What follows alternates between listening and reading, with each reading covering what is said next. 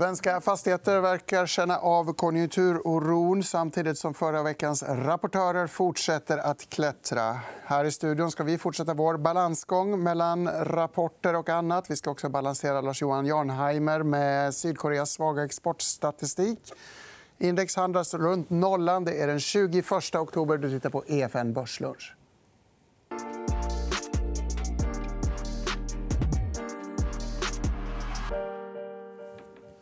Ja, det känns skönt att vara tillbaka i studion och ha så kloka gäster med sig. Vi har Jonas Olavi och Niklas Wellfelt. Varmt välkomna. Tackar. Tackar. Niklas, vad är snackisen hos er idag? Eh, ja, det är väl eh, mycket, mycket kring det här med konjunktur. Kommer det fortsätta vara så att rapporterna visar att, att eh, konjunkturen under eh, tredje kvartalet så som den avspeglas hos bolagen kanske inte är så svag som den har sett ut i en del eh, konjunkturstatistik, typ PMI och såna här saker. Så att, vart tar konjunkturen vägen in mot 2020? Det är väl snackisen. Mm.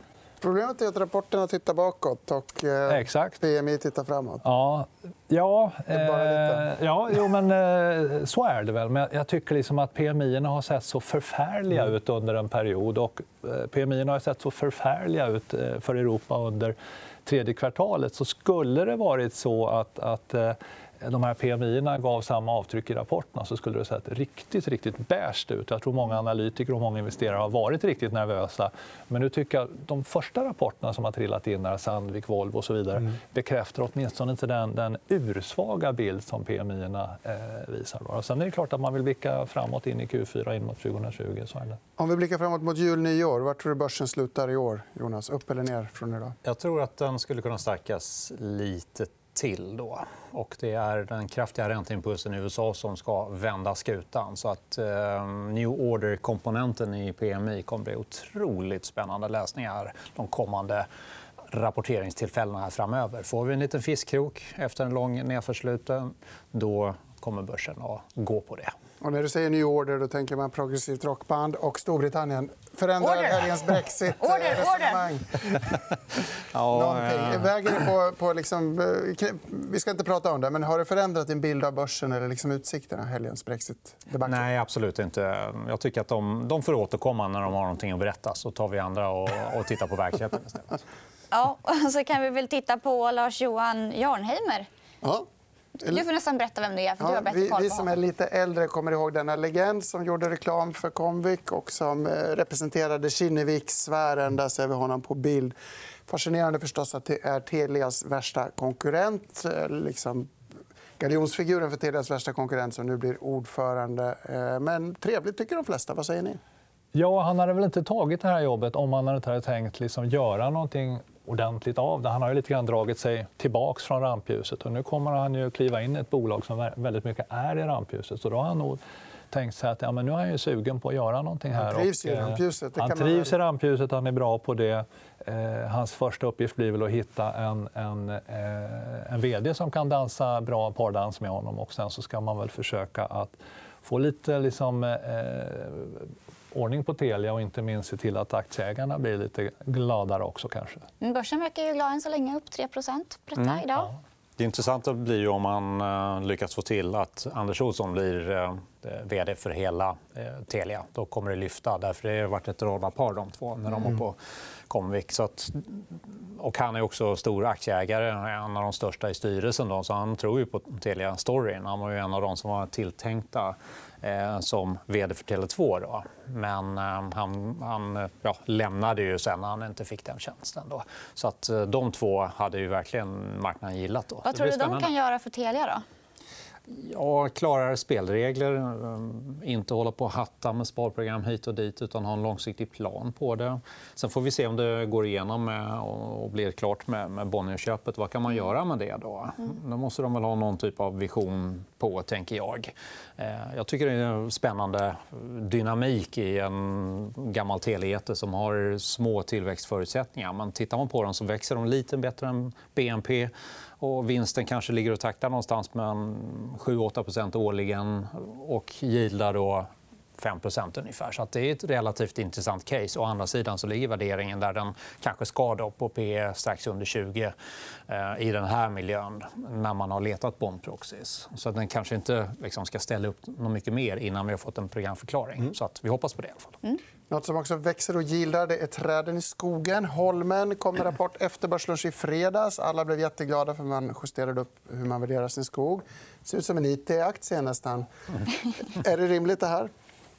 Ja, det, vi är positiva till eh, skogen. Vi har varit mycket positiva till skogen, mycket baserat på det här att det har funnits då värden i skogstillgångarna som inte har eh, realiserats. Då. nu verkar man ju gradvis bland bolagen vilja ta fram de här värdena och realisera dem. Så att det, det är ju skogstillgångarna, men sen också eh, verksamhetsmässigt, operationellt och annat. Att, att eh, om vi nu har en, en, handel som i mångt och mycket blir eh, alltså e-handel, digitalisering, autom, automation och så vidare. Och så vidare. Men kartonger, kartonger, kartonger, emballage, emballage, emballage. Och, och det ska ju gärna vara återvinningsbart och eh, mm. varför inte låta det komma från skogen. Så att, där finns det också en, liksom en, gammal klassisk eh, bransch som man kan tycka är lite nattstånden ibland som skogen. Så finns ju ändå väldigt mycket man kan göra med skogsråvara som känns väldigt modernt och framåtblickande. Så att, Eh, vi har gillat skogen och, och eh, eh, nu kursmässigt har vi fått lite betalt för det också. Då, då. Har du någon hållbar spaning, Jonas? Eller ja, och det är att det är en impuls nu. Man ska inte tänka att det här är en trend som kommer fortsätta som en it-aktiebubbla. Utan det blir en impuls och en värdering. Sen ska bolaget verka på med allt det här som Niklas säger. Att liksom evolveras som ett bolag i hållbarhetens tecken. Då. Ehm, så att, mm, dra inte ut tangenten för långt här nu. Utan den kanske börjar komma lite grann till vägs ände och så börjar den liksom ta sin normala gilla gång då, som den ska klara på egna premisser. Då, snarare än från en omvärderingssituation. Då, när mm. skogen då, värderas om. Då. Så att lite, lite försiktig till den nu skulle jag vara. i alla fall. Ska vi trycka på börstangenten, Matilda? Ja, det gör vi. Vi var inne på det lite här. Börs, allmänt börssnack. Men vad, vad, vad, vad ska man säga om börsen? Hur ska man navigera? Jag tycker att det är jättebra att det är väldigt oroligt om man pratar om Brexit, om man pratar om Trump och de här handelssamtalen och annat. För att, eh, ofta är det i osäkra miljöer som börsen trivs bra. Jag såg att det var någon sån här... Vänta, vad sa du nu? Börsen gillar väl inte osäkerhet? Jo, alltså börsen, eh, för att börsen ska gå bra så krävs att det ska finnas potential kvar. Så ska det vara oroligt. Det ska vara liksom investerare som klättrar upp för en eh, klippvägg och, säkras, och är oroliga, då säkrar man sig ganska noga i den där klippväggen. Då, då. Eh, men har vi, då en, en, har vi en konjunktur och en vinsttillväxt som är eh, okej okay, så, eh, så, lyckas man med den där klättringen. Däremot om det är så att, att eh, osäkerheten är låg, eh, himlen är ljusblå, man känner sig lite allmänt så där självsäker och hafsig och slafsig, då, då säkrar man sig inte vägen. Och det är då tycker jag oftast man får de här smällarna på kinden så att säga, som investerare eller att, att aktiemarknaden går på en mina. Men nu är det liksom tycker jag, ganska återhållna värderingar. En väldig osäkerhet kring konjunkturbilden framöver. Väldigt stor osäkerhet kring eh, så att säga, det här med handelssamtal och Brexit och annat också. Men eh, Trump vill bli omvald om ett år. Eh, kinesiska kommunistpartiet firar 100-årsjubileum 2021 jag tror att det finns många intressenter som vill se till att eh, man inte liksom får en så att säga, självpåkallad eh, kraftig konjunkturnedgång eller recession i det här läget. Utan att Trump kommer att vara yvig och så vidare och vara liksom true to sin karaktär. Så att säga. Men han är också en, en eh, person som gärna tittar på aktiemarknaden som ett kvitto på om man gör ett bra eller dåligt jobb. Och vi, är, vi är ju ganska nära all time high-nivåer och, och vi är jätteoroliga. Så att, att jag tycker att det är rätt mix. Så att säga. Vi ska ja, vara oroliga. Jag, tycker det. Å andra sidan, nu ska jag vara orolig. Då. Vi fick ju starka rapporter från Volvo Sandvik men det kortcykliska går ju mot en, en nedgång nu. Hur, hur ska man väga de här? Handelskriget skapar en osäkerhet som gör att vi sladdar på gränsen till en ordentlig lågkonjunktur. Då. Och det kan vara så att vi spårar ner i den här lite djupare. Jag tycker faktiskt att vi ser det i de rapporter som har kommit både från Sandvik och från Volvo kanske också från Atlas idag. Då, där tidig cyklisk helt klart bromsar in. Och det är en osäkerhetsfaktor. Det behöver inte vara så att det är tangentens riktning att vi måste bli eh, oroliga för framtiden. Ehm, men lite grann som Niklas är inne på också, det finns ju inte så mycket annat alternativ. Då. Vi har ju inte en miljö där vi kan välja och vraka på hur vi vill vara placerade. För vi får ingen avkastning i en hel del av tillgångslagen. Allting är ju relativt dyrt nu också. Och tittar man på flödesstatistik då, så är det utflöden ur aktiefonder och inte minst ur amerikanska aktiefonder som det verkligen har varit stora utflöden under en ganska lång tid. Men börsen har ändå fortsatt att takta på uppåt. Så det är ju en liksom en spänning som byggs upp i marknaderna. Än så länge håller det. Men skulle det komma betydligt svagare rapporter och Sverige ligger ganska tydligt i rapporteringscykeln eh, liksom, kontra många andra marknader så kan vi nog tänka oss att Europa kommer nog se betydligt sämre ut eller svagare på den tidigcykliska verksamheten, inte minst smittan från Tyskland och så vidare. Så att, den här, liksom, att vi ligger och sladdar längs med den här grusgången där det väntar ett litet stup, det ska vi vara försiktiga med. Då. Så det kan rulla ner. Då och Men gör vi det så kommer ju centralbankerna, eller? Exakt. Det är centralbankerna som är hela poängen med det här. Då. om vi kan ta den här grafen jag hade med. Om man tittar på den amerikanska centralbankens balansräkning och när de då slutade att ehm, expandera den här, då började börsen gå sidledes. Man fick liksom slut på den här eh, saften, eller vad man nu blandade i de här bålen. Ehm, och sen då, 2016 så klickade de globala eh, tillväxthjulen i varandra. Då fick vi nästa tryck uppåt på, på marknaderna. Och då passade Fed på att eh, i den miljön då, höja räntan och minska balansräkningen. Vad hände då? Ja, volatiliteten ökar på marknaden. Och den sista höjningen den var helt klart fel, vilket eh, Powell också insåg i eh, julminuterna eh, eh, förra året och eh, var då tvungen att föra en helt annan argumentation kring framtida policybeslut. och Sen har de börjat sänka. Vad man ser här nu då, det är att man faktiskt fundar marknaden. Det här vill ju Powell inte erkänna är QE, men det är en expansion av balansräkningen. Och den fortsätter ju dag efter dag. Nu är det för att man ska funda bankerna och inte banksystemet. Men helt klart är det så att förväntansbilden är ett det ska komma mer. Och I en sån miljö, när räntorna har fallit i USA ja, då skulle vi kunna få den här kicken uppåt i marknaden trots att det är relativt dyrt, trots att vi är lite osäkra på konjunkturen. Jag vill skynda vidare. men Har du nåt tillägg till det här? Ja, jag skulle säga som så att, att konjunkturuppgångar brukar inte dö av, av, av liksom bara av ålderdom. utan Det brukar vara någonting som händer som bryter nacken av konjunkturen. Nästan... Det brukar vara Federal Reserve. Det brukar vara så att sent i en konjunkturuppgång då är det, då, då är det liksom ett högt kapacitetsutnyttjande. Arbetslösheten är nedtryckt, lönerna börjar stiga en del, börjar pressa upp inflationen en del. Och centralbankerna blir nervösa så börjar man höja räntan i ett läge där kanske konjunkturen redan har kulminerat. Vad vi ser nu är ju att eh, löneökningstakten är ganska återhållna trots den låga inflationen. Eh, det fortsätter att vara skapliga ändå tillväxtsiffrorna vi blickar in mot nästa år. IMF kom med en rapport förra veckan där mycket fokus var på oj, vilka nedrevideringar 2019 där. Eh, och tittar man 2020 så plockar man ner siffrorna lite grann.